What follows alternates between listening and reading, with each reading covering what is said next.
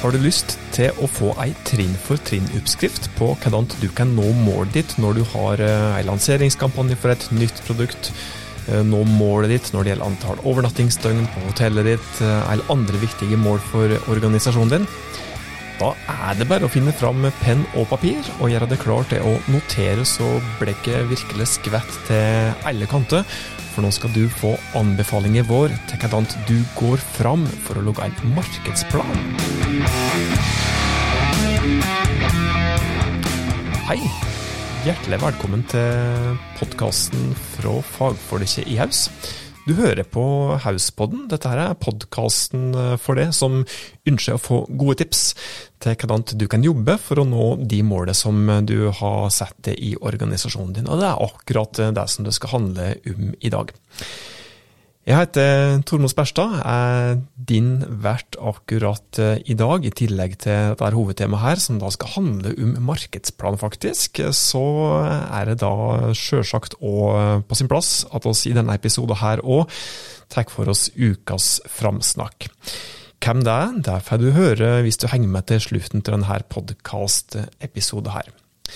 Men jeg lovde jo deg slik innledningsvis da, at uh, du skulle få vite hvordan uh, ja, Du skulle rett og slett få ei oppskrift på hvordan du kan jobbe for å, for å nå systematisk, jobbe systematisk med å nå de målene som du har satt deg. Og det handler faktisk egentlig om hvordan du kan jobbe for å logge en markedsplan. Det er det som egentlig er, er tema i dag, slik helt uh, konkret. Og dette her med å ha gode planer det er utrolig viktig. Har du ingen planer, eh, så vil de resultatene som du oppnår underveis eh, der du jobber, eh, mer eller mindre være tilfeldige. Og er det egentlig så smart å stole på flaksen din? Altså Kanskje har du opplevd det at ja, men jeg når jo de målene som vi har satt oss uansett. Hvorfor trenger jeg da egentlig jobbe, jobbe strategisk med planene? Er det noen grunn til at vi bør ha en markedsplan? Og det er jo egentlig det, for det er greit nok det at du kan ha opplevd og nådd de målene som du har satt deg, kanskje delvis pga. litt flaks, forhåpentligvis at du er flink i jobben som du gjør òg, at du har et bra team. Men hvis du virkelig vil optimalisere effekten av det som dere gjør, kanskje stole litt mindre på flaksen som du kanskje fram til nå har fått, så er det viktig å ha gode planer. Tenk med deg sjøl. Du har brukt tid på verdens beste produkt, du har brukt godt med tid på produktutvikling, vet at det er et stort marked for akkurat dette her produktet, uh, har optimalisert det over år, og dere er nå snart klare til å lansere dette her. Og Selvsagt har dere et mål om å selge mest mulig, det målet er jeg nå tallfesta. Og så gønner dere på med ymse tiltak uten å tenke så nøye gjennom dette her, eh, hvilke tiltak dere da faktisk iverksetter, og uten å ha en god, ordentlig strategisk plan. Resultatet det er jo kanskje at dere når det målet som dere har sett dere, men sjanser for at uh, dere hadde overgått målet big time hvis dere hadde hatt en plan, det er ganske så stort. Så det å ha en god markedsplan, det er ordentlig, ordentlig lurt. Men før vi går konkret på, på hvordan du skal gå fram for å logge en markedsplan, så har jeg litt lyst til å prate litt om uh, dette her forholdet mellom eh, strategi, planer og tiltak. For det er lett å blande kortet her. Og bare for å ta det litt kjapt innledningsvis, ordentlig ordentlig kjapt og overordna, så er det slik at en strategi den beskriver jo hvor er det oss vil, og det beskriver hvordan oss skal komme oss dit. Og Strategien den må òg si noe konkret om hvilke planer, hvilke konkrete tiltak som du skal bruke som, som verktøy for å komme dit strategien sier at du skal komme. Og Hvis du skal se litt på, uh, si litt mer om forholdet da, mellom dette her, så er det slik at uh, ja, aller enklest. Du kan prøve å tenke dette her som en hierarkisk modell. Der du da helt øverst har strategien, du har strategiske mål, som f.eks. å øke, øke omsetningen i det norske markedet med 25% før den 31.12.2025. Det er et eksempel på et godt, konkret strategisk mål. I midten i hierarkiet så har vi eh, planer, og en plan kan f.eks. være at vi eh, har en plan om å lage en ny nettside, og en plan om å få på plass en ny visuell identitet som treffer målgruppa vår bedre, og så har en plan om å lansere en podkast for å nå ut til nye målgrupper. Og tiltak til, til, de ulike planene må på plass. og Eksempel på tiltak til en ny nettside kan jo f.eks. være at oss må ja, ene tiltaket kan være at vi må gjøre en søkeordanalyse til nettsida, at vi må skrive tekster til nettsida, at vi må få på plass en sidestruktur. Og eksempel på tiltak eh, til plan om å få på plass en ny visuell identitet kan være at vi må ja, eh, plukke ut leverandører til dette her, skrive en kravspekk tiltak til plan om å få på plass en podkast. Det kan være å lage et innholdskonsept, velge hostingplattform, sette opp en innholdsplan. Og Her handler det altså om at en strategi som regel har behov for å ha flere planer, faktisk, som kan bidra til at det overordna strategiske målet blir nådd, og at hver enkelt plan har sine konkrete tiltak som understøtter hver enkelt plan. da. Så til det konkrete eksempelet om hvordan du logger en markedsplan. Hva er egentlig gangen i det? Hvordan bør du egentlig gå fram for å gjøre dette her på en ryddig måte, som gjør at du i størst mulig grad da når de målene som du har satt deg? Og Det aller, aller viktigste er at du først har klart for deg hva er det overordna strategiske målet som skal på plass her. Det målet det må være ordentlig konkret. Det må være såkalla smart, det vil si at det må være spesifikt, altså konkret. Det må være målbart, det må være mulig å nå, det må være realistisk, og det må være tidsbasert, altså at du setter en frist for, for, for måloppnåelse. Og ja, Et eksempel på ikke-smart mål er jo det at ja, hvis du skal fortsette på det som jeg egentlig nevnte nå for to siden, så er jo da et eksempel på motsetninger til det som jeg nevnte, som da var et smart mål. Smart-målet som jeg nevnte, var vel at vi uh, har et mål om å øke omsetningen i det norske markedet med 25% før den 31.12.2025. Uh, eksempelet på et ikke-smart mål blir at vi skal øke omsetningen. Det å si øke omsetningen, det er ikke et godt nok mål. Fordi at det er ikke konkret, det er ikke tidsbasert. Eh, det er, ikke, det er, ikke, ja, det er rett og slett ikke, ikke, godt nok til å bygge et godt, eh, godt planverk rundt. Så målet, det overordna målet, det er det første som må på plass. Eh, gjerne sammen med en stutt info om planperioder, f.eks. at planen skal gå fra Eh, januar 2022 til juni 2022, som et eksempel. Og Du kan eventuelt ta med en liten eh, situasjonsbeskrivelse òg, slik innledningsvis. og Det er spesielt viktig hvis dere er flere i et team, eller kanskje flere team, og kanskje òg på tvers av ulike organisasjoner som skal jobbe sammen. Um, og En slik situasjon beskrives kan jo inneholde bl.a. Ja, hva er det som er gjort tidligere i lignende, lignende kampanjer for å nå lignende mål.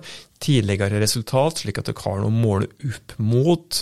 Eh, viktig info om forutsetninger, som f.eks. at dere kanskje har ei landingsside fra før, at dere kanskje har ei mailliste med 5400 e-postadresser som har gitt samtykke til å bli markedsført mot, osv. Så, videre.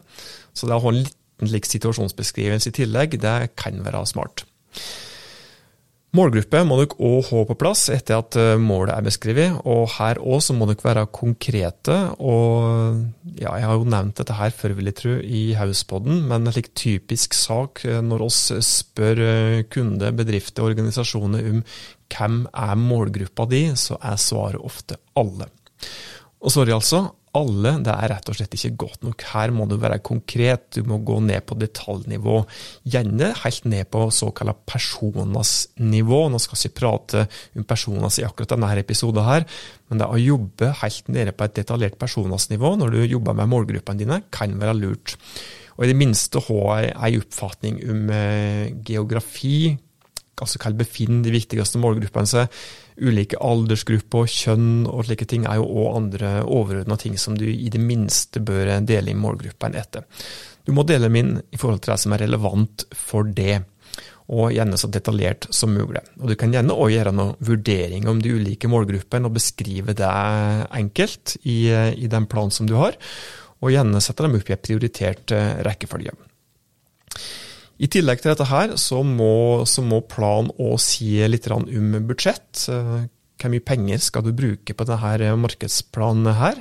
Eh, budsjett det kan legge viktige føringer for kanalvalg, bl.a. fordi at enkelte målgrupper er dyrere å nå ut til enn andre, og enkelte markedsføringskanaler er mer kostnadskrevende å bruke enn andre. Litt avhengig av hvor i trakt målgruppa enn du skal nå ut til, befinner seg. Eh, budsjett kan være skikkelig vanskelig å sette nøyaktig, fordi at når du jobber med i hvert fall digitale tiltak, da, som f.eks.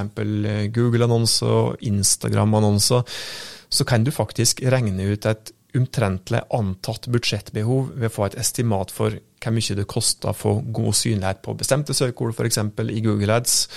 Og hvis du da vet omtrent hvor stor konverteringsrate, f.eks. hvor mange av dem som har klikka annonser som har kjøpt tidligere i kampanjer, så det, eh, hvis du har det på plass. da. Men, eh, men prøv i alle fall å ha eh, budsjettrammene på plass. Eh, slik at du i hvert fall har noe arbeid etter, og slik at du kan fordele over litt grovt når du vet hvilke kanaler som du skal bruke i, i markedsplanen din. Og hvis det er mulig, så kan det òg være greit å ha en såkalt mål-CPA i markedsplanen din. Enkelt forklart, den skal beskrive hva er du villig til å betale for å få måloppnåelse, eller for å få f.eks. ett stykk salg. Da.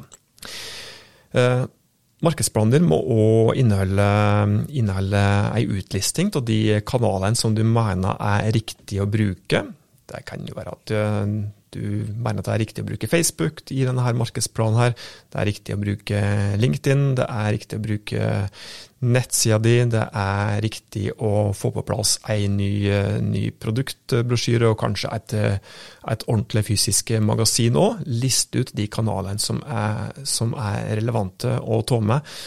Uh, som du da har, har sagt noe konkret når det gjelder tiltak litt lenger ut i markedsplanen din. Når du har fått kanaler på plass, så bør du òg ha noen såkalte KPI-er på plass for de ulike kanalene. KPI-et, Key Performance Indicators, eh, sier noe om hva du skal måle på de ulike kanalene, da, som da kan si noe om i hvilken grad du når de målene som du har satt deg med å bruke f.eks. Facebook. da. Og Det kan være f.eks. at du setter opp eh, nettsidetrafikk som et KPI, antall nedlastinger av en digital brosjyre kan jo være et KPI. Eh, antall bookinger via Instagram, åpnerate av nyhetsbrevet. Eh, stutt sagt, hva kan du måle som er relevant for måloppnåelsen i markedsplanen? Deretter så bør du ha ei utlisting av relevante måleverktøy. Det kan du gjerne si noe i hvert fall veldig kort om i, i, planen din. Og Når alt dette er på plass, så bør du ha med ei oversikt over de viktigste tiltakene.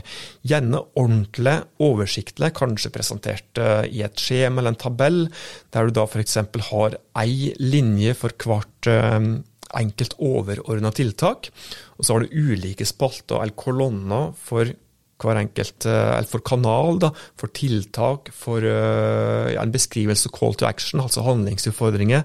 Uh, målgruppe, landingssideinfo, målbeskrivelse, KPI, budsjett, ansvar og frist. Nå håper jeg at du noterer det ganske, ganske, så fort her. Men for å ta et eksempel, da, slik at du skal få mulighet til å få dette eh, repetert og notere eh, enda en gang, så har du da eh, eksempelvis i første kolonne så har du da ei kolonne for kanal, som f.eks. kan være nettsida di. Så har du ei kolonne for tiltak. Eksempel på tiltak kan være at du skal optimalisere påmeldingssida til seminaret på nettsida. Eh, så har du ei kolonne for mål, og konkret eksempel i dette tilfellet kan være at eh, det målet her er å bidra til påmeldingsmålet om, eh, om 7000 påmeldte.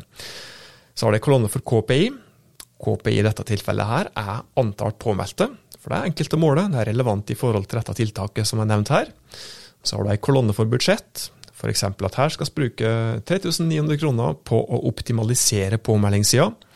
Så har du ei kolonne for ansvar, hvem er det som har det utførende ansvaret for at dette tiltaket her blir gjennomført. F.eks. at det er byrået som du har outsourca til. Og så har du ei kolonne for frist, slik at du har sett en deadline for de ulike tiltakene, slik at du kan følge opp om dette her er gjort underveis i, i prosessen, da, når, når markedsplanen er satt ut i, i livet. Så det var rett og slett en beskrivelse av hvordan du setter opp eller logger en markedsplan rent overordna. Det handler om at du må få på plass mål, målgruppe, du må ha en situasjonsbeskrivelse, du må ha et budsjett, du må si eh, hvilke kanaler som skal brukes, du må sette opp KPI for de ulike kanalene, du må liste opp måleverktøyet, og du må ha en oversikt over de konkrete tiltakene. Og så er det jo slik at jo mer tid som du bruker på å jobbe ut en god markedsplan, jo mer tid du bruker på å kvesse den berømte øksa di, ordne verktøyet i verktøykassa, jo enklere er det å oppnå det resultatet som du ønsker å oppnå. Det var hvordan du logger en markedsplan. Da er det tid for ukas framsnakk. Og ukas framsnakk i dag er kombinert uh, en forfatter, et navn, en person og ei bok. Boka heter Marketing Rebellion Forfatteren, personen, heter Mark Shafer. Og ikke la det bli skremt av tittelen, som heter 'Marketing Rebellion'. Ikke la det bli skremt av at boka er på engelsk, eh, for det er ganske så lettforståelig engelsk, det som er skrevet i denne boka her. Og dette her er ikke en bok bare for det som jobber med markedsføring, det er en bok for det som jobber eller har en hvilken som helst slags funksjon i hvilken som helst slags bedrift, hvilken som helst slags organisasjon. For denne boka her sier ordentlig mye bra om hvordan du kan jobbe med å nå ut til målgruppene dine. Så jeg sier ikke noe mer enn det. Jeg sier det at dette her er en bok som du bør investere i. Marketing Rebellion der, altså, til Mark Shafer. Da har vi kommet til veis ende i dagens uh, utgave av Hauspodden. Og som vanlig hvis du setter pris på de tipsene som vi hadde å komme med, så blir vi ordentlig glade hvis du sier fra med noen andre som du tror kan ha nytte av de podkast-tipsene som oss deler her, eller de tipsene som oss deler i denne podkasten her, skulle jeg si. Inntil oss høres neste gang, ta godt vare på det og dine.